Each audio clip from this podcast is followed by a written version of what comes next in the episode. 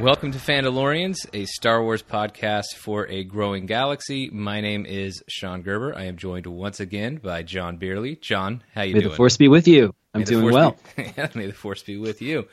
So this episode, our first episode, we talked. Uh, it was all about introductions. We talked about ourselves, and we talked about our journeys through podcasting, and of course through being uh, Star Wars fans. And so now we're going to go ahead and we're going to talk about the state of Star Wars. And the reason we're doing that, selfishly, this was how I started the Modern Myth Media podcast. We did a state of the superhero genre back in 2011, and so I've always just kind of liked starting off with uh, a foundation of, of where things are right now when it comes to Star Wars. And when I talk about the state of Star Wars, we're talking about Star Wars itself the movies, the shows, uh, everything that Lucasfilm is uh, is up to right now and has been up to for the past few years. I will just go ahead and, and say very quickly that this show is not going to be about Star Wars fandom. I think enough people have spoken about Star Wars fandom, and it's not that. Uh, and I think everybody at, at this point knows how to behave themselves, and if they choose not to do that, again, that's it is their choice not to do that. Uh, so it's not that we don't see the elephant in the room. We know the elephant is there. We can see it. We just don't care what that elephant has to say because that elephant just likes to be loud and get attention. So we'd rather not give that elephant what it's looking for uh, and reward its bullish behavior.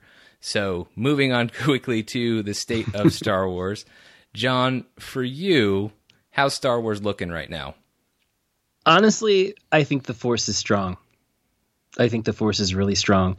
Um, I know that I love Solo. It broke my heart that Solo did not perform better at the box office. But on the other hand, Solo is a thing that exists. It's there. It's going to be there for future generations of kids to discover in the same way that that we did. And we've got The Mandalorian coming up. We just announced the uh, Cassian Andor series with Diego Luna. We've got that coming up. We've got Star Wars Resistance. There's no slowdown in the comics, the novels, the games. Um, so you know, I, I feel like we're I feel like we're in. I think I'll probably be more optimistic about this than maybe. I know I know Sean is very very adept and very very savvy with the business side of things. Uh, the way I look at it, the way I see it, the force the force is strong. I think the force is strong, but I also think the force needs a little bit of work. I, I, I think that Star Wars, in some ways, has lost a little bit of its its touch, a little bit of its contact with the force. If I'm going to keep mm. using that, um, I, I, think that uh, I think Star Wars is doing well because I think there's a lot of potential on the horizon. But I do think that Star Wars has also uh, lost a little bit of its trust with uh, with the audience. And I say this as somebody who likes Last Jedi, and I say this as somebody who, well, I didn't love Solo quite like you did, John, but I still thought the movie was was fine. But when I talk about these kinds of things, when I talk about the state of something, I'm looking at it from a more, uh, I'm taking my personal feelings about specific pieces of content out of it and just looking at the bigger picture from that business perspective. And I think what's happened to Star Wars over the past few years is that, uh, as I talked about in our last episode, the the feeling that everybody had in 2015 where Star Wars was just it was the peak and just ultimate movie franchise. There was nothing else. I think Star Wars has come back to the rest of the leaders in the pack. It's still one of the leaders in the pack. But in 2015 there was Star Wars and then there was everything else. And now I think Star Wars is more in that line with Marvel and, and some of the other top franchises, and that's not a bad place to be. It, it's not and I think to some extent that was that was always going to happen because what Star Wars is doing now that Star Wars never had to do was it had to maintain the audience's interest. And I'm not talking about the diehard fans who are here for every little piece of Star Wars that that we can get but it's for the you know for those who their experience with Star Wars was has just been the movies, and then the movies go away, and then they're still Star Wars fans and they love the movies, but there's not they're not interacting with Star Wars, they're not engaged with Star Wars on a regular basis, and now they need to be, or Star Wars needs them to be. Lucasfilm and Disney need them to be uh, because they they wanted to put out a movie every single year, and that's just not something Star Wars has had to do. It's a wonderful treat for us who've wanted more Star Wars all of our lives to have a movie every year since 2015, but it's harder to maintain a general audience's interest when you are uh, when they're seeing you that often. Which is not to say that it's impossible. We've seen other brands do this, uh, but it is a different challenge that Star Wars hasn't actually had to deal with uh, previously. And so I think we've seen some of that feeling of Star Wars being uh, so rare and so special. Some of that uh, shine has has come off over the past few years, but you're still starting from a place of love. It's still a franchise that so many people revere. And what I like about Star Wars, what's promising about Star Wars right now, is, and especially about something like The Mandalorian, is it just feels like Star Wars is being built from the ground up again. And I think that's the right. way, uh, and I think that's the way you have to do it. Yeah, I the Mandalorian to me is just you know kind of a shining example of that feeling of newness, and I think that that that announcement for that show coming out of the gate was you know we have had four movies since since Disney took over, and yet that announcement still made everything feel fresh and new, and I think a lot of that was Jon Favreau's excitement for the material, uh, the announcement of some of the directors that we were going to see on the show, the excitement of you know so the announcement of some of the cast that we were going to see in the show. It just feels like you know this is this is a step into a different direction that we haven't quite had. You know, episode seven, episode eight were both saga films, continuations of the Skywalker saga, introducing new characters, but they were still rooted. I've always said of The Force Awakens that The Force Awakens to me feels like a fairy tale in which Star Wars was a fairy tale. And then in The Last Jedi, you sort of peel the fairy tale back and get kind of a harder look at the people who are really at the heart of of those stories. And, you know, Solo, of course, is about Han Solo. Rogue One is about, you know, the team that that gives sacrifices everything to steal the Death Star plans. These are stories and time periods and characters who we have a familiarity with, with a connection to. But The Mandalorian is just something completely different. And you know that to me is where the excitement kind of um, it just it just feels really invigorating to uh, to to kind of be in this spot where okay we're still going to we're still going to see stories and films animated shows books comics about the characters we know and we love but they're really starting to expand into you know kind of that that wider universe. What else is out there? Who else is out there? And you know that's that's where i'm that's where a lot of my excitement right now lies with star wars. Yeah my excitement is the, the certainly the project that i'm most excited about with star wars. I mean i'm very excited about star wars episode 9 but the mandalorian feels like for the very first time since we've had this new Star Wars content. Uh, it feels like to me the first time that we've seen them really getting into the idea or, or being willing to change the idea or be more flexible with the, with the idea of what a Star Wars story can be. Uh, especially right. in live action. I know they've changed things in animation with, with Rebels and Clone Wars, but in live action, I think this is pushing boundaries, and I think that's what Star Wars needs to do. If you're going to be a regular presence in people's lives every single year, this is going to be a thing that's going to happen, and you're going to engage them multiple times a year on the big screen and on a streaming platform like Disney Plus. You've got to offer them things that are fresh and, and new and things that might subvert their expectations. And so I'm really interested right. to see what they're going to do with the Mandalorian. I know that the Mandalorian armor, it's obviously famous for Boba Fett and I know we've already seen other characters. We know that like other bounty hunters are going to be part of the show. Favreau just shared IG88. Like we know that certain things that are familiar about Star Wars are going to be part of this, but I also feel like there's going to be a lot of stuff that's uh, that's brand new and that's fresh. Pedro Pascal is you can't ask for a better lead uh, than that guy. He is amazing. Guy's so magnetic. Yeah. So magnetic. as most you know loved him as Oberyn Martell in Game of Thrones, and then I, I depending on whether or not you're caught up, I'm not going to say what happens there, but loved you know I've always enjoyed this guy's performances on Narcos on uh, Netflix. He is a fantastic. He goes toe to toe in the Equalizer 2 with Denzel Washington. And it's it's on paper, he is a paper thin character on paper. But Pedro Pascal puts something into it that makes it work, that makes it believable that, okay, this guy could go to toe to toe with Denzel. He's great in The Great Wall with Matt Damon, uh, which was filmed in China about the monsters that attack the Great Wall of China. And there are these, you know, these two mercenaries who sort of stumble into this huge, huge battle between the keepers of the wall and these creatures. He's, this guy's been fantastic in everything. And again, it's that magnetic Yep. charisma that he has. That's it's it's, it's going to shine shine right through that helmet. Believe me. Yeah. This guy could have been Tony Stark if Robert Downey Jr. didn't get it first. Like he's that. Right. I think Right. he's that good.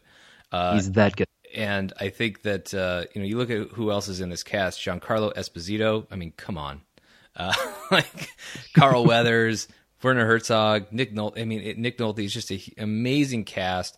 Jon Favreau running the ship, and there's few directors out there who have been as exciting as Jon Favreau to watch, especially over the past ten years, and the way he's just tried to continue pushing boundaries, and then the directors that he's brought on. Taika Waititi is directing an episode of a Star Wars show. Like that's just insane to me. Um, But it's also an encouraging sign because Taika Bryce Dallas Howard, Deborah Chow, I mean, Yeah. so many so many great people. Yeah, I mean Taika's style is not conventional to say the least, and that somebody that Taika is actually coming in to direct an episode of this. Now it's an episode of a show; it's not a film, so it's still going to fit within. I, I understand the larger framework of the series, but to me, to me, that's a fresh voice coming into Star Wars, and I think that's something that Star Wars needs a lot more of are fresh voices. And so, bringing Taika in, that's an encouraging sign. And I can't wait to see what they do with the Cassian Andor series. But The Mandalorian gives me a lot of hope for Star Wars. Not that I'm in a bad place for Star Wars, that I'm in desperate need of hope. We'll we'll get into some of the other stuff and we'll we'll talk about it. But uh, The Mandalorian is something that I think a lot of people are excited about.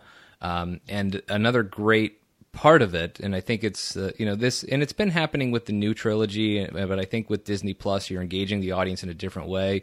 It's going to give more of the audience a sense of ownership over Star Wars in a good way, uh, and make them feel connected to it, and make maybe have a story that's for them. If something else in the Star Wars saga hasn't necessarily been for them in the past, maybe this story will be for them because everybody kind of has their story when you look at larger universes, whether it's a Marvel universe, not necessarily movies, but comics or DC or whatever.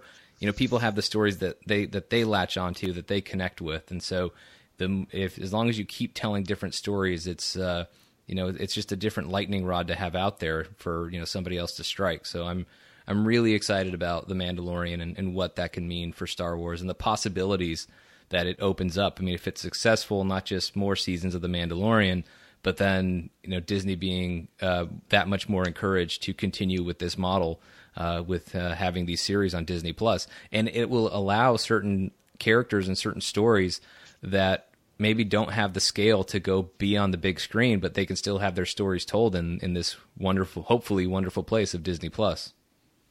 Yeah, and I think one of the things that that I personally like so much about Favreau is that you know having worked having worked in the Marvel system, now working you know having done a lot of work with with Disney, he knows he knows how to get things done. He knows how to get True. things done on a logistical and financial level. But this is also a guy who is very much in touch with you know the the kid in mm-hmm. himself.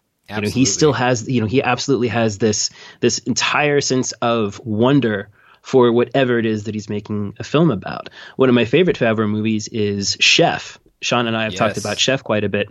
It took me a long time to finish the movie Chef. Not because there was anything wrong with the movie, but about every five minutes I had to stop the movie and go upstairs and cook whatever he was cooking in the movie. Oh, I'm gonna pause this for a second and walk upstairs and and and you know and and, and make a a brick-sized slab of hash browns, or ooh, I'm going to stop the movie again and go upstairs and make a grilled cheese, literally with every slice of cheese I have in this house.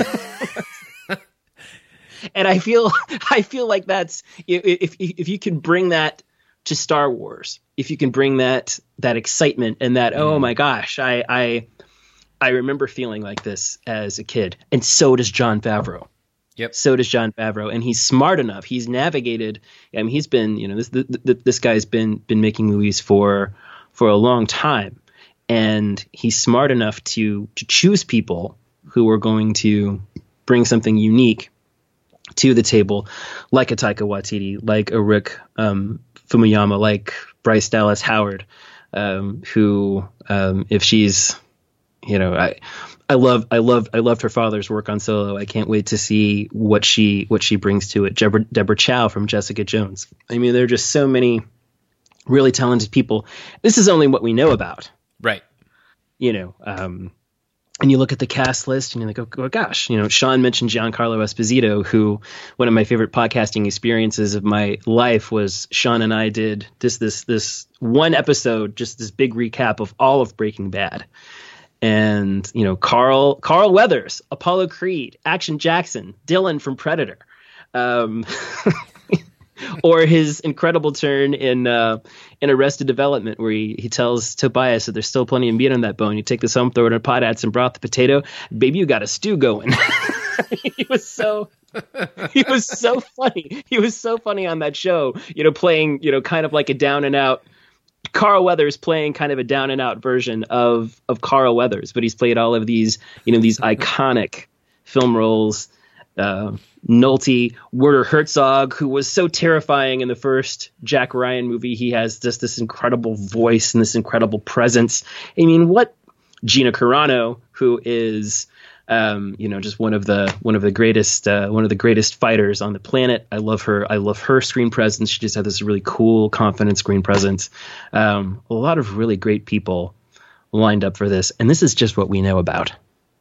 Right, and just consider how long this thing's been shooting, and right. we don't, you know, we know very little about this. We don't even have a name for our Mandalorian other than he's a deadly gunfighter. You know, we don't have. Right there's so much that we don't know about this series. I mean, we know it's largely taking place in the Outer Rim, or we think we know these things based on rumors and stuff like that, and other bounty hunters could be involved, and and the you know the the story is supposed is taking place you know post Return of the Jedi, but before you know long before the Force Awakens. So we're covering some uh, just completely unexplored territory in the Star Wars timeline, at least as far as live action is concerned. So we have uh, we have so much here that you know so many opportunities to do new and fresh things, and also in this story, uh, you have uh, you have a character where it's not necessarily about the Jedi, and it's not necessarily about the Force in the context that we're normally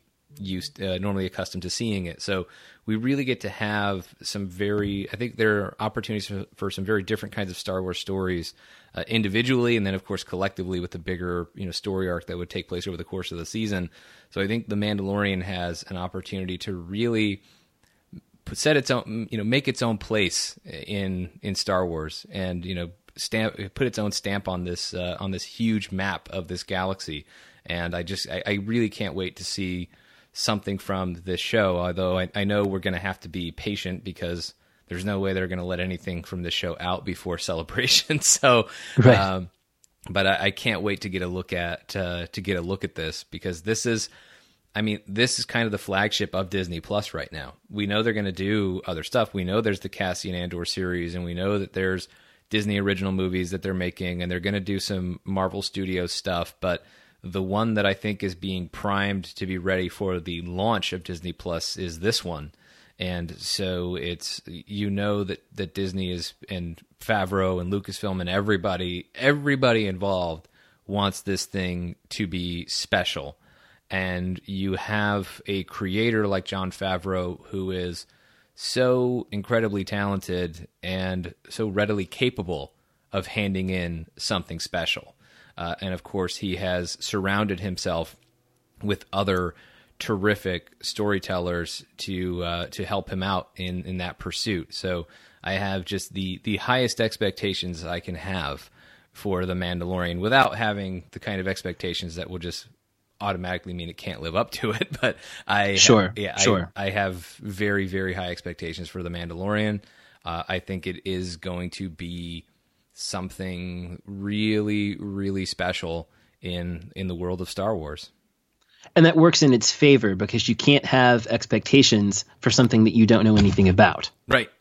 and and that's that's really exciting to me you know and again we just get back to this you know this uh, this this this incredible mix of people you know lifelong you know nearly lifelong uh, movie industry veterans like Favreau, like Bryce Dallas Howard, exciting newcomers like Taika Waititi and you know Deborah Chow, and just some of these people who are just just really really haven't shown us yet the full extent of, of what they can do to come into this playground and expand what Star Wars can be is really, really, really exciting to me. And then as far as the Cassian Andor show, I mean that's another thing too, where it's okay, we met this guy in Rogue One. Diego Luna has this he has this energy in in he's just always right on the edge of being exasperated. He's just he, he's just he, his energy in that in that film is just fascinating to me to watch. He's completely unlike any any Star Wars character I've ever seen. But again, this is going to be set in a time period where who says you can't bring in maybe the Star Wars Rebels characters? Who says we can't get Hera Syndulla from uh, from Rebels live action. We know she exists. I mean, we know. I mean, she's she's canon. Her her her name pops up in in Rogue One. We've we've seen Chopper in Rogue One. Why can't why can't you bring some of those characters and uh, and things into into the Andor show? I mean, it's just. My, my, my friend Mark Eldridge, uh, he and his wife Megan have a, a Star Wars pod, podcast called Jedi Archives Pod. He he wrote an article for 1138.com about how the Darth Maul cameo in Solo really is is so exciting because it shows that they're they're not afraid to to dig deep. There were a lot of people in the in the movie theater in Solo who were confused at the appearance of Darth Maul because they they just they, they didn't know that he came back as a guy with robot legs. They thought he died in the Phantom Menace and that was it. But you know, Star Wars is not afraid to uh, you know dig dig a little deep and expand in directions that we're not expecting. And it's it's a really exciting time to be in that in that spot. Yeah, the Cassian Andor series. What sums up my interest in there is that the first thing we see him do in Rogue One is murder a guy, and there's a look on Diego Luna's face after that act Yeah. that tells a story, and I want to know what that story is. It, it's Right. I want to know where that guy came from because I, I think a lot of the most interesting things that ever happened to Cassian Andor happened before we found him in Rogue One.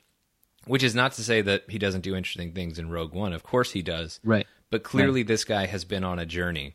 And I Since he was six years old. yeah, I want to see a lot of that journey, and so I I am excited about it. It's we we know nothing about it other than you know Cassian Andor. It's going to be a Cassian Andor series. We don't know creatively what direction it's going to take or anything like that because it's all still very early. We just know that it's it's happening, and I am very excited about that. Uh, I enjoy what Diego Luna is fantastic. I can't wait to see him leading a series. And as you mentioned, John, this opens up all kinds of interesting possibilities. Um, I want to get to we'll talk we'll talk a little bit about some of the big screen Star Wars stuff. And as we head into Episode Nine, I think I, I don't want anybody to think we're just going to gloss over stuff that's happened with you know with Last Jedi and, and Solo and everything. So we'll talk about those things as we build towards getting Episode Nine at the end of uh, at the end of 2019. John, let's talk about Last Jedi first. This isn't a this isn't a review show for The Last Jedi. We can go back and do a review show for Last Jedi. I like the film, but I also understand it is a deeply flawed film. Uh, you don't like the film. We can just summarize it that way. uh, but let's just talk a little bit more about the effect of the film. Besides our own personal assessments of it, do you think do you think the Last Jedi did any harm to to Star Wars? Not nec- not just in the creative storytelling of it, but uh, you know, because I think it's it's been the question ever since the movie came out: is did general audiences like this movie? and how does it make them feel about Star Wars going into Episode Nine? This is a really tough one for me, and let me say for the record before before I start talking here that the majority, the vast, overwhelming majority of my Star Wars friends um, in in my daily life, in my online life, love or at least like the Last Jedi. So I don't want I don't want it to sound like you know I'm one of these uh, you know one of these uh, uh, folks who you know you know thinks it's just the the the, the doomsday end all be all of you know the end of Star Wars. I I, I don't think that at all. I see right. I see love for it everywhere. I respect everybody who loves it. I'm happy. I'm happy for everybody who loves it. Um, I think it's I think it's terrible. I think it's it's um, like it's terrible. I walked out of that movie gutted. Not that. Here's the thing: Luke Skywalker from you know from the from the time I could I could talk. Luke Skywalker has been my my favorite hero, my favorite fictional hero of any medium of of all time. And I should have been angry. I should have been devastated. I should have been crying when my my all-time favorite hero died on screen. And instead I was just sitting there thinking, what is this? I mean, what is this? Um, I I will say that Luke's actual end, Luke Skywalker giving so much of himself to save his family and his friends that there is literally nothing left of him is the most beautiful and perfect and poetic end to Luke Skywalker that I could ever ask for.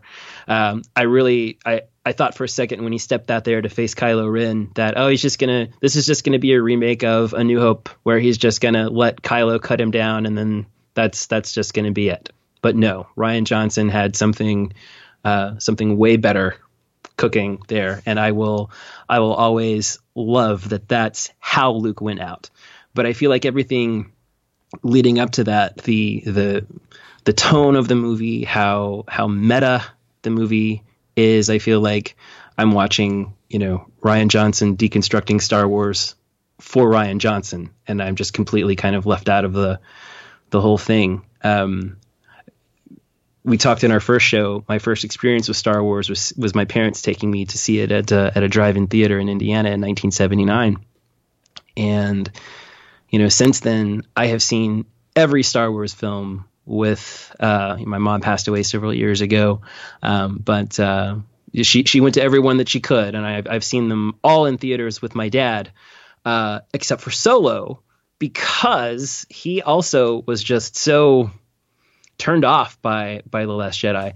He and I saw it on on the Thursday night that it opened. Uh, I got uh, tickets to the nicest movie theater within you know within a 50 mile radius. We went we went to see the movie, and you know, after the movie was over, we just sat in the car on the way home. Nobody said a word.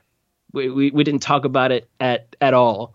And the next day, you know, my dad was like, eh, did you, did you like the movie? I was like, no, I thought it was really bad.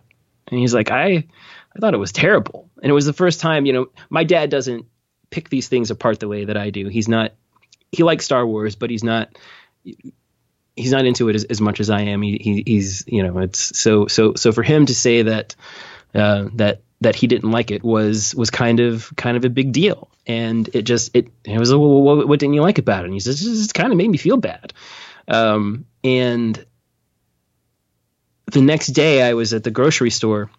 I saw my cousin Tom, who in 1980 uh, went with with uh, my family and me to see The Empire Strikes Back on the big screen. Tom was there with his daughter Ashley.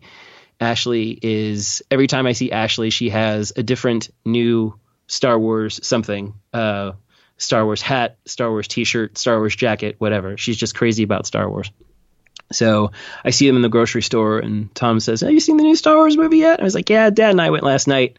And he's like, "What did you think of it?" I was like, "I didn't like it at all." He's like, "We didn't like it either."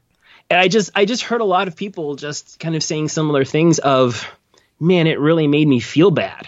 Yeah. Not not not so much because of oh, Luke Skywalker died in the movie. It wasn't that. It was just the movie just and it's it's and I I'm sure at some point, you know, as Sean said, we'll do we'll do a, a review episode of, of of the film. We'll do a commentary. I'm not just saying this. I have lots of reasons that I'll get into a lot of specific detail why it doesn't work for me and why I don't like it. There are also a lot of things about it that I will that I will defend. Um, there are a lot of things about it that is like, okay, I understand I understand what, what, what they're selling me here. I don't want it, but I get it. But there's a lot of it that just really I just I just walked out of that movie for the first time I'd seen a Star Wars anything. You might have been maybe overwhelmed here or underwhelmed here or there, maybe by like you know an episode of Rebels or Clone Wars or something. But there had never been a Star Wars thing that just made me feel miserable and not excited about it at all. And that's and that's what that movie was for me. Um, the Force Awakens. I I once described Force Awakens to Sean as um, I remember that, this. That, that that you know that rather than rather than they filmed a treatment of the Force Awakens, I just feel like they filmed somebody's notes on a napkin. Um, but the Force Awakens it moves, it moves really really really well, and everything with the new characters I think is absolutely joyous. Finn, Rey, um, Poe, Kylo Ren, everything with the new characters I think is is fantastic. Um, I was a little bit concerned with um, how time and history had treated Luke and Leia and Han and the little bits that we that we saw of them. Luke especially, he's only there at the very end, and I felt like well, the Last Jedi just doubled down on on the misery. Now, again, I get it. The Force Awakens is a fairy tale in which Star Wars is a fairy tale. The Last Jedi peels back the layers and says, okay, well here here's the people these are the people who were underneath all of those big events, and this is how it affected them. It's like, okay, but I don't want meta. I want mythology. And it just didn't it didn't do that for me. It's too it's too there's just something about that movie that to me is very smug and very glum and I just I just I just can't I can't with that movie. And I saw The Force Awakens in theaters so many times. I saw The Last Jedi 3 times the second two times I saw it were with cousins who I had promised I'd go see it with. And if it hadn't been for those promises, I would not have gone more than the one time. That one time, believe me, was was plenty. Um, and it really it just really made me sad for for a long time after that movie came out because I just I wanted to be excited about episode 9. I wanted to to see where it went next and um, I just felt like that movie doubled down on on meta and misery, and I just, I just, I just can't. I just can't. I just can't. Solo um, was a wonderful movie going experience for me, but my dad would not go see Solo with me in the movie theater because he had such a, a bad time at the Last Jedi. Mm. Before, you know, my you know I, I could say, hey dad, you want to you want to go see uh, go see a Star Wars movie? It didn't matter how tired he was, he would he would sure. he would he would he, he, would get up and go. But with Solo, he's you know he was just like, oh I, I I don't know, I'm just feeling kind of kind of tired today. Maybe maybe a different time, because the Last Jedi had he had such a terrible time at that movie that he just wasn't that excited about Star Wars again. Now, when we watched Solo after it came out on home video, he loved it, absolutely loved it but uh, I just I couldn't get him to go see Solo with me because he had such a bad time at the Last Jedi, and it wasn't Solo actually that reinvigorated my Star Wars spark.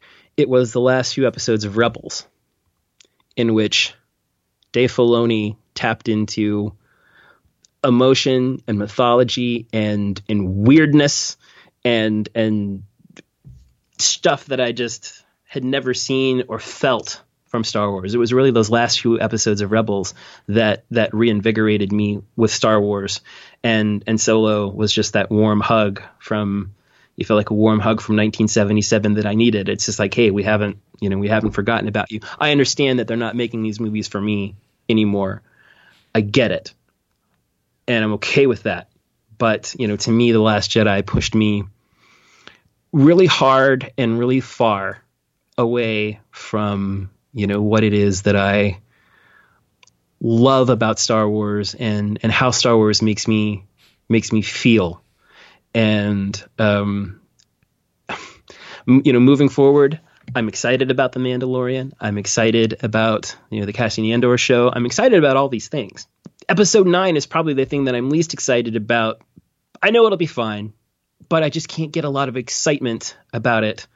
I know that you know we're going to move forward, and there are going to be incredible new Star Wars books and comics and TV shows and animated things and feature films. I know that we're going to be getting amazing Star Wars things for the rest of my life. This is another thing that I told Sean that I was kind of bummed out when Disney took over because I was like, great, now there's going to be Star Wars stuff that happens after I die. that I'm going to miss. Great. Thanks a lot, Disney.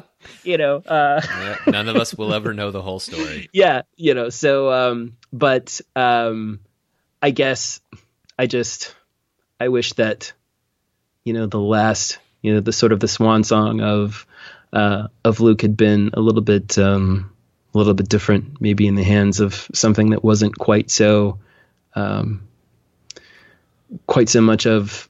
I felt more like I was being read an essay about Star Wars than I was watching a Star Wars movie. And again, that being said, all due respect, all due respect to Rian Johnson. I'm glad that Disney and Lucasfilm allowed him to make the movie that he wanted to make. He clearly had a very specific uh, vision for for Star Wars, and he and he and he got to put it out there.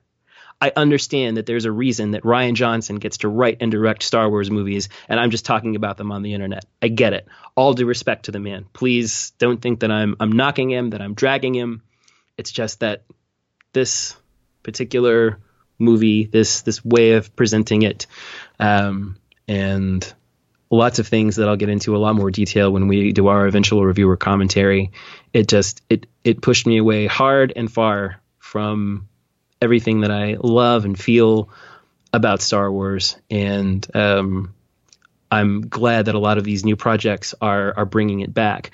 But I again have specific examples of family members who didn't like it, and I know a lot of people who um, just didn't want to keep going back to see it over and over again in the movie theater right. because they were just so bummed out by the whole thing, and they just didn't they just didn't want to keep going back to see it again, and that that says that says something. But again, for the record, very happy for all the people who love it. Truly, truly happy for all the people who love it. Mm-hmm. I just I can't believe it. Like I just I, I I hear some of these defenses of it. I'm like, really? I mean, but but look at it, and whatever, whatever. Again, yeah. I'm I'm clearly I'm clearly wrong, and I'm okay with that. But I don't. I just I, uh, I, yeah. Uh, I don't think you're wrong. I I think it's, and I say that as somebody who has a much more positive assessment of the film than you do. Uh, the points that you raise against it are valid. You know, in the in the discussions that we've had about the movie and what you what you do and don't like about Star Wars: The Last Jedi. And sometimes we just you know, movies make us feel different things, and it's ultimately going to come down to how a movie makes you feel. And if a movie makes right. you feel bad, Uh, especially bad about something that you love and have loved for a long time, then yeah, that's not going to be a great experience. For me, Last Jedi, right. I overall very much enjoyed the movie, but I did have some issues with it, and it's kind of it's the kind of thing that happens to me sometimes with movies where you know my first experience watching Last Jedi, and even every time I watched it in the theater, felt I I enjoyed it, and I I didn't have I had the same issues with it every single time, but it didn't tip the scales to have me not enjoying it.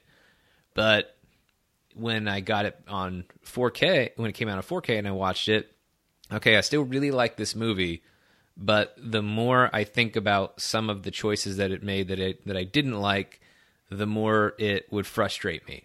Because uh, and that's usually what happens is the flaws just become that much more glaring uh, as as time goes on. At least sometimes that happens with me with movies, uh, and it has a little bit with the Last Jedi. But overall, when I sat down and enjoyed it. I when I sat down and watched it again, I I did enjoy it, and I was wondering because it had been, you know, I it had been a few months, you know, between my last time watching it in theaters and then seeing it in 4K, and I actually wondered if I might end up feeling just completely different and hating the movie when I rewatched it. And uh, ha- you know, I'm happy to report that I still enjoy the film, but I also look at the bigger picture outside of my own personal assessment, and I do think there's a lot of evidence out there that that not everybody was on board with this movie. Some people were and some weren't. And it was a little more divisive as a Star Wars film, which is not what Star Wars films Yeah. are necessarily intended to be. And to be clear, I never expected any of these Star Wars movies to compete with the financial performance of The Force Awakens. The Force Awakens was a once-in-a-generation cinematic event where Star Wars had been gone from movie theaters for 10 years, but really it was 30, uh, you know, 30 plus because the story never continued after Return of the Jedi in the eyes of the moviegoer. The prequels were Yes. going back in Well time. said. This was the Well first forward moving Star Wars film in 30 years. So there was always going to be, it was always going to set an opening weekend record. I know it's since been eclipsed, but it was always going to set an opening weekend record. It was always going to be the best performing Star Wars film because everybody was starving. People hadn't been fed Star Wars in a long time, so they ate it up and they kept refilling their plate. Star Wars: The Force Awakens was always going to be, uh, it was always going to get more rewatches and stuff like that. It was just always going to happen. So I never expected when Force Awakens had you know the almost two hundred fifty million dollar opening weekend and then over two billion dollars at the box office. I never expected any of the other Star Wars films to match that. They just weren't going to be able to, regardless of how good they were. They could be films that were a hundred times better than Force Awakens, and they still weren't going to make as much money as Force Awakens. That said, I did not think that Last Jedi would drop from two billion dollars on Force Awakens all the way down to one point, you know, one point three billion and change. That's a huge drop. That's not just the uh, the the natural kind of erosion of uh, you know from one movie to the next, or just taking removing the the special once in a generation factor for the Force Awakens. That's people who saw the movie who saw the movie and didn't like it and didn't go back. Even more evidence, though, that people didn't like The Last Jedi, and some people don't see the same connection, but I do. You want to know why Jumanji: Welcome to the Jungle made nine hundred million dollars? Because it came out a week after Last Jedi, and that was the movie that made people feel good. You know, I, I think exactly. I Exactly. think people went to watch that movie and maybe went to watch that movie again instead of taking another trip through The Last Jedi. Uh, so I don't think people really liked the film that much. I mean, I think there. I'm sure there are plenty of people who liked it, and but there are also still plenty of people who didn't like it, and that's kind of an issue for Star Wars. I do think that they've lost a little bit of the trust of their audience in terms of the quality of the films that they're going to present. I do think that had an impact on Solo because as much as some people I've seen like Jon Kasdan and, and some other people, uh, especially this month, have been or on in December talking about how uh, if Solo had come out in December instead of May, if it was coming out right now instead of several months ago, it would have been a different story. No, it wouldn't have. the The idea that you can't release two movies from the same from the same franchise family five months apart, we already know that's not true. We already know you can do that. Other sure. franchises are doing sure. that. They're doing it successfully. If you've got the goods and the audience likes what you likes what you're selling, they'll buy it twice in five months. They just will. Uh, and so I do think there was some of that. There was a little bit of a Last Jedi hangover that affected Solo. Uh, when you have people and and that hangover though, it would have lasted another seven months. It would have. So they still would have put Solo out in May, put it out in December. People are still not feeling great about The Last Jedi. People who didn't like that movie are still going to be not as enthusiastic about going to see Solo no matter what month you put it out. So it's not so much about the timing, it's just this is what happens when you lose an audience's trust. And that's not to say that the that the last Jedi is the primary factor in Solo not performing well or just flat out bombing at the box office because it bombed. It's going to lose a lot of money. It's not just it's a factor. It's just not the only factor. Certainly there were other challenges with Solo. We all knew from the very beginning. We all talked about this as soon as we heard the very first idea of spin-offs and standalone films and all of this stuff, the conversation was, or this was part of the conversation, who wants to watch a Han Solo movie without Harrison Ford? And the answer to that question is not very many people in the grand scheme of things. And we always knew that was going to be a challenge. So you are you had something that had questionable questionable mainstream appeal from the very beginning. Han Solo without Harrison Ford, is it really Han Solo in the eyes of the mainstream moviegoer? Couple that with some of the struggles of The Last Jedi and having a Star Wars movie that at least made some people not feel very good about Star Wars. That and then several other factors, and another big one that I'll get to in a second. Though, but those two things, you add them up, and that's a problem for Solo. And it, it was a problem that Solo was not able to overcome at the box office. And the other big factor that I alluded to there a moment ago, and this is an issue for Star Wars going forward because the domestic box office, Star Wars can fix that. All you got to do is make good movies, is make movies that people like again, good movies and that people are enjoying, and the audience will come back. We've seen that happen. Franchises can rebound all the time. That's not the main issue, or at least that's not an issue that can't be dealt with. That's not a challenge that yeah. they can't overcome. And Solo has had its legs on home video. It's still it's still hanging yeah. in the top ten yeah. with lots of new releases coming out, and and you know, and people who people I know who I would ask, hey, have you seen Solo yet? Ah, I haven't made it to that yet. Yep. Um, you know, when they eventually do see it, oh, that was really great. And um, yeah, so it's it's you're right. It's it's it's going to come back. It's going to come back domestically, but here's where Star Wars has a challenge, and I, I don't know how to fix this one. China doesn't care about Star Wars. And that may not matter to you listening to the show, but that matters in the industry. And that matters when it comes to these films and the budgets that they get and how much of a return on investment is going to be expected from them.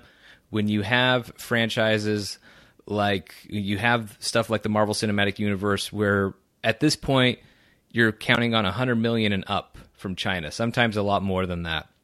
You know that you're going to get from the world's second largest movie market that could one day become the world's largest movie market. And so you have that out there, and for Star Wars, they don't care. What did Solo make? Like 10 million or something on its opening weekend? I mean, it was pitiful. And we've just mm-hmm. seen the opening weekends for every Star Wars film just go down and down and down because that audience has not connected with this world. And some of that is, frankly, Disney and Lucasfilm can share blame on that because I don't think they did a great job of prepping that market to love Star Wars. They didn't have access to the original films. So you can't count on decades worth of reverence for the mythology. It just wasn't there. So they needed to do something, re releases of the original trilogy. There needed to be something out there to try and connect with that audience before they started dropping these movies. And maybe they did try to do some of that, and I'm just not knowing about it. But I, I think there was. Uh, there were clearly some missed opportunities there, and that's something that Star Wars and you know Lucasfilm and Disney. I don't know how they solve for that. I don't know how you solve for a market that just has flat out said no, thank you to this uh, to this world. The the only way you can really solve for it is that you just have to go ahead and assume with all of your spending that you won't have that market. So that means maybe moving budgets down. And I also think, by the way, that a lot of these Star Wars movies could get away with costing a lot less. Would have helped if they only made Solo once. Uh, if they do that and they keep their costs down, they can compensate for the money that they're not going to be getting out of uh, that they're not going to be getting out of China. So they can overcome it in that way. But it is uh, it, it is troubling that you have a market that size uh, that just has has no interest in uh, no interest in the material. Right. It's yeah. I I have no no clue, no input, no. Yeah. Yeah. It's. I don't um, know. It's it's an insanely difficult challenge that I think uh, they'll have to figure out. Other than, like I said, working uh, working around it, but maybe some of these other things will help. I mean, if I don't know if Disney Plus, how much of that is going to launch in China and when and, and whatever, but if you start get you know having different Star Wars stories out there that maybe other people can latch onto if they didn't latch onto the Skywalker saga or whatever the case may be, then I, I think that might maybe that helps in the long run. But I think that what's great about Star Wars, though, is it has that flexibility. I mean, this is a, a galaxy that's existed in so many different forms across different media, and that's what the the secret to Star Wars rebounding is. I mean, I don't want to not talk about Episode Nine, but getting back to Mandalorian and and the Cassian Andor series, I mean, starting small and building from the ground up, as I said, I think that's so key for Star Wars because if you if you think Right. about a lot of the great franchises, I mean, they start small and they just build up from there, and I think that's what Star Wars needs to do is just is rebuild, uh, is rebuild a little bit, and I like the approach. Uh, to put a little bit of a positive spin on this, I like the approach of how Lucasfilm and Disney have responded since The Last Jedi and Solo. Uh, because they've mostly been quiet. They've released things that they've had to just because people know that things are going to be out there. So they'll do a press release with some Mandalorian cast. But they haven't really been in our face in the way that they were when Star Wars first came back. And I think it's because they know that for some people, they've had enough of Star Wars for the moment. So it's really about when they when they step back out on the stage at Star Wars Celebration, literally and figuratively, that don't ju- that they can't just come back out with something that says Star Wars and everybody will be excited. We know that time is done. You don't have you don't have the general audience just because it says Star Wars on it anymore. You had it in 2015. You were never going to be able to hang on to it, but they've definitely lost their grip on that in the last few years. That with that gone, you know that you really have to impress people with what you are actually going to show them on a screen. And so I think that's the best move. I mean, people wonder why didn't we get a episode 9 teaser in December? We shouldn't we never should have gotten one.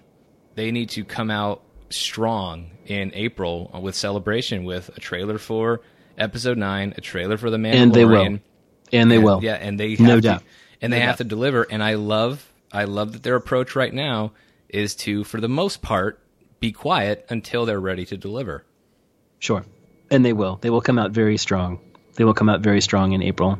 And, um, you know, I, I think it's just, you know, something, just something that just gets that, gets that feeling back. And you've, you've referenced it many times, Sean, is that, that feeling of, uh, you know, family and unity when the Force Awakens trailer first, first hit. You know, what, what brings that, that spirit back? The spirit hasn't gone anywhere um, you know, it's it's you know there there are a lot of there are a lot of other other options out there for you know for entertainment and cinematic universes and and all those things. The excitement for Star Wars has gone nowhere. It just needs that little, you know, just just that just that right kick that gets everybody, you know, e- excited again. Mm-hmm. And I think it's I think it's coming. I think it's and and, and and and not only is it coming, we're hungry for it. Yep. We are very, very, very hungry for that unabashed feeling of love and excitement and unity again. And and when it hits, and it's gonna, it's gonna get, it's gonna hit hard and it's gonna hit strong, and we're gonna be swept right back in, and it's gonna be beautiful. Yeah, I mean, if It's you- coming. I It's think so too. I think celebration is going to go very, very well. I think people are gonna. I think they're gonna really just unleash amazing trailers on us from Episode Nine and from The Mandalorian. And I think what's great about that is it will get if you can release two great trailers like that out of celebration. Not only do people get excited about the those specific projects, obviously, but they also get excited about the idea of Star Wars again. And Sure. that will be. I, I think that's a critical step in getting some of the audience back and, and restoring some of that faith, some of that trust. Uh, and I do have confidence in Episode Nine. Uh, I really do. And uh, I know some people think that it's just it's over and, and we just need to finish out this Skywalker saga and and move on. Uh, but the reason I have confidence in this, I, and and I we haven't touched on this, but I I also agree with the assessment that's out there. I don't think there's been a strong vision for what this trilogy was going to be from the beginning. Clearly, clearly there are choices that would not have been made or they would not have been allowed in the Last Jedi if this was something where there was a vision from the very beginning. Uh, and also to Rian Johnson's credit, even though I don't think he came up with the best version of why Luke went away for so long, he's not the one who painted himself into that corner J.J. Abrams painted him into that corner. So that's not all Rian Johnson's fault. He just didn't make the best of that very difficult situation that he was left with uh, coming out of Force Awakens. But and in all fairness, too, a lot of Lucas's ideas for a potential Episode Seven had Luke kind of in exile yeah. and being found by found by a young woman, uh, you know, which which which again, sure, if that's the thing, yeah, make it make it work. Uh, for me, it was you know, the the tone and there, yeah. there's just and again, we'll we'll I don't want to bog down the discussion. We'll we'll get into all those things, you know, at the appropriate time. Yeah, but we, yeah, we definitely will. Uh, but the reason that I'm confident in episode nine is I go back to what I have loved most about episodes seven and eight Rey, Finn, Poe, Kylo Ren. Like I have loved yes. the yes. stories of the new characters. And with not that I don't expect Luke to show up as a Force ghost in nine, I do, but for the most part, the original trilogy characters, that's been the stuff that's made me unhappy more than any other element of these movies is I, I haven't enjoyed sure. the way they've handled sure. those characters. Yeah. Well, those. I'm sorry. I just, I just, I just, I can't buy that Han and Luke.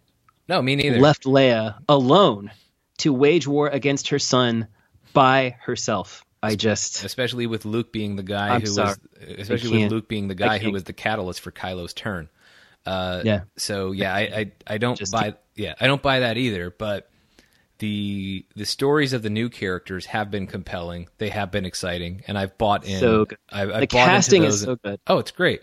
And so because episode nine, it has to, it has no other choice but to focus on those characters and uh, you know and Rose as well. Like it has to focus on the new characters in uh, in episode nine, and that's been the strength. Those characters have been the strength of Force Awakens and Last Jedi. So I have no doubt that episode 9 is going to be the best of this series because it will rely on them way more than it ever could rely on the original trilogy characters. So I think 9 is uh, is going to uh, is going to deliver.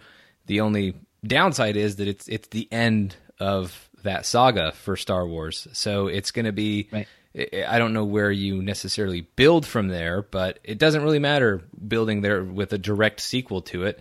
Just that you deliver with a Star Wars film and you make a you hand in a great Star Wars film that people love and gets them excited about it, while they're also at the same time excited about this Star Wars series on Disney Plus. So you know the state of Star Wars, as I said, I mean it's lost some of its shine, but I feel like it has every opportunity in 2019 to get it all back. Right.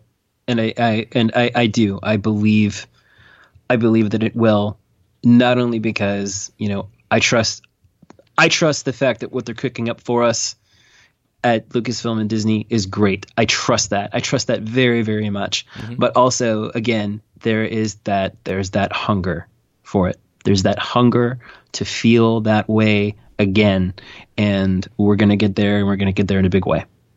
Yeah, and not to be meta Rian Johnson, but you know, failure the greatest That sounds is. like his wrestling name. Meta Rian Johnson off the top rope. Well, he gives Yoda a line about failure being our greatest teacher, and not to say that Star Wars failed with Last Jedi or with Solo, but there were failures within those projects. Uh, they failed with Solo, maybe not creatively, but financially they failed. Uh, so there there are opportunities to learn here and grow from that and do things better.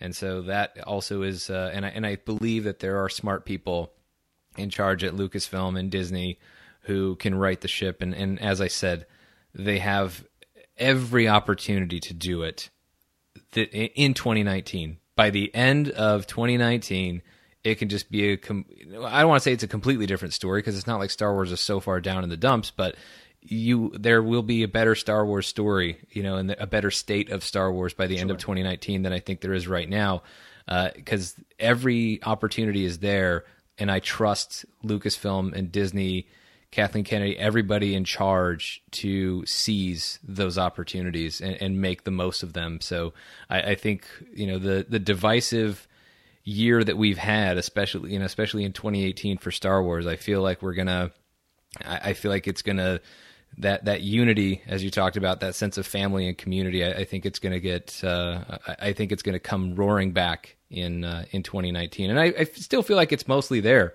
amongst Star Wars fandom because, as I said, this episode's not about Star Wars fandom. Uh, but I feel from not just the diehard fans who are here talking about this stuff every day, like we are, but for the people, for the general audience, for the people who didn't love Last Jedi, for the people who didn't want to go see Solo because of any lingering issues with Last Jedi, I think uh, Lucasfilm can bring them all back to and bring them all back to the theater for Star Wars Episode Nine. They've just got to show them the makings of something special, and I think they will, starting with Celebration. Agreed. But that is where we will go ahead and wrap up this episode of Fandalorians. Thank you all so much for listening. If you would be so kind as to leave a rating and review on iTunes, we would very much appreciate that. John, where can they find you? You can find me on Twitter at John Bierly, B I E R L Y, and also at johnbierly.com. And you can find me on Twitter and Instagram at Mr. Sean Gerber, Sean spelled S E A N. So for John, I'm Sean. Thanks for listening. We'll see you next time.